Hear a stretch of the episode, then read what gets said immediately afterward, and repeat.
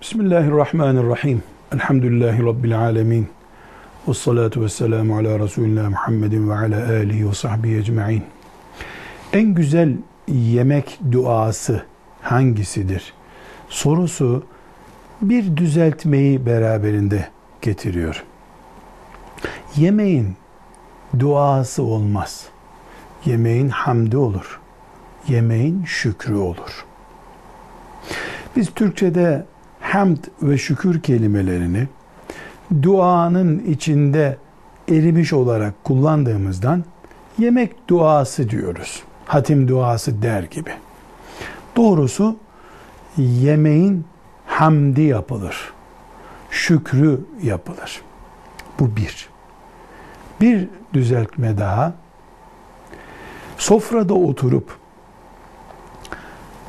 tıka basa yedikten sonra yemek duası dediğimiz şey yani hamd ve şükür yapılacağı gibi bir ağaçtan koparılıp yenen bir incir de sofrada oturulup yenmediyse bile bir nimet olarak midemize inmiştir.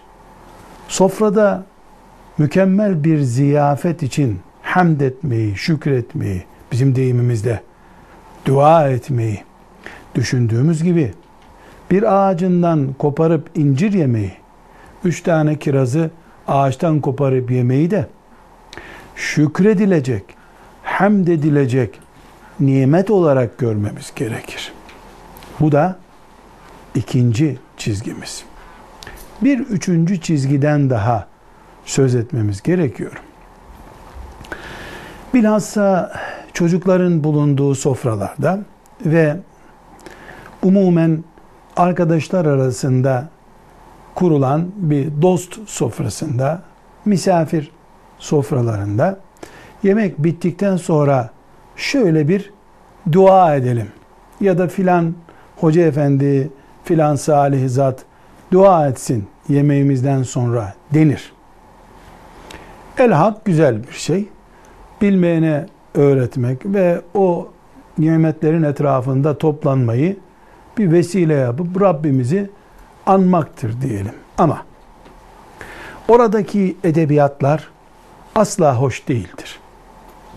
Nameli cümleler, cinaslı ifadeler, kelimelerin ardarda e, dizilmiş şekliyle kullanımları, işte devletimizin devamı, milletimizin ikamesi, sofralarımızın taşması, doyurması bunlar dua etmek için seçilmemesi gereken cümleler olmalıdır.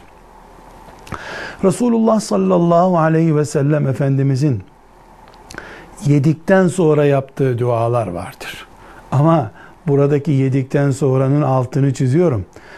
Misafir sofralarında kebaplar, baklavalar, çorbalar, ziyafetten sonra ona zaten nasip olmadı böyle şeyler. O nasibini ahirete bırakarak bu dünyadan gitti. Yani iki tane hurma yediler. Bir bardak su içtiler. Ola ola bir tas süt içti. Veya işte kurumuş etten tirit çorbası yapıldı da onu içti. Ondan sonra da şöyle dua etti. Elhamdülillah ellezî at'amena ve sekâna cealena minel muslimin. Tekrar ediyorum. Elhamdülillah sekâna ve cealena minel muslimin. Elhamdülillah ellezî at'amena ve sekâna ve cealena minel muslimin. Allah'a hamd olsun. Bizi doyurdu, içirdi ve Müslümanlardan yaptı. Bir benzer duası da var Efendimiz sallallahu aleyhi ve sellemin. Hemen hemen aynı. Elhamdülillah nicelerinin sığınacak bir evi yokken bize sığınacak yerler verdi, yedirdi, içirdi. Böyle dua etmiş. Yedik, içtik, susuzluğumuz gitti, karnımız doydu, sana hamdolsun Rabbimiz diye dua etmiş. Yani şöyle diyebiliriz ki bir satırlık dualardır Efendimiz sallallahu aleyhi ve sellemin duaları çünkü asıl dua etmek değil hamd etmektir. Elhamdülillah, elhamdülillah. Yemekten sonra en güzel dua elhamdülillah'tır. Ama bir tas çorba içtikten sonra da elhamdülillah demek gerekir. Bir bardak su içtikten sonra dalından iki kiraz aldıktan sonra da dua için mükemmel ziyafet sofralarını beklemek çok abes. Çok abes. Her lokmamız, her yudumladığımız bir bardak suyumuz Rabbimize defalarca hamd etmeyi gerektirir. Şöyle yürekten gelen elhamdülillah Rabbim sana hamd olsun sözü en muhteşem duadır.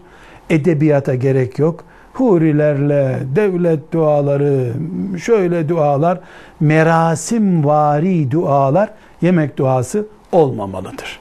Velhamdülillahi Rabbil Alemin.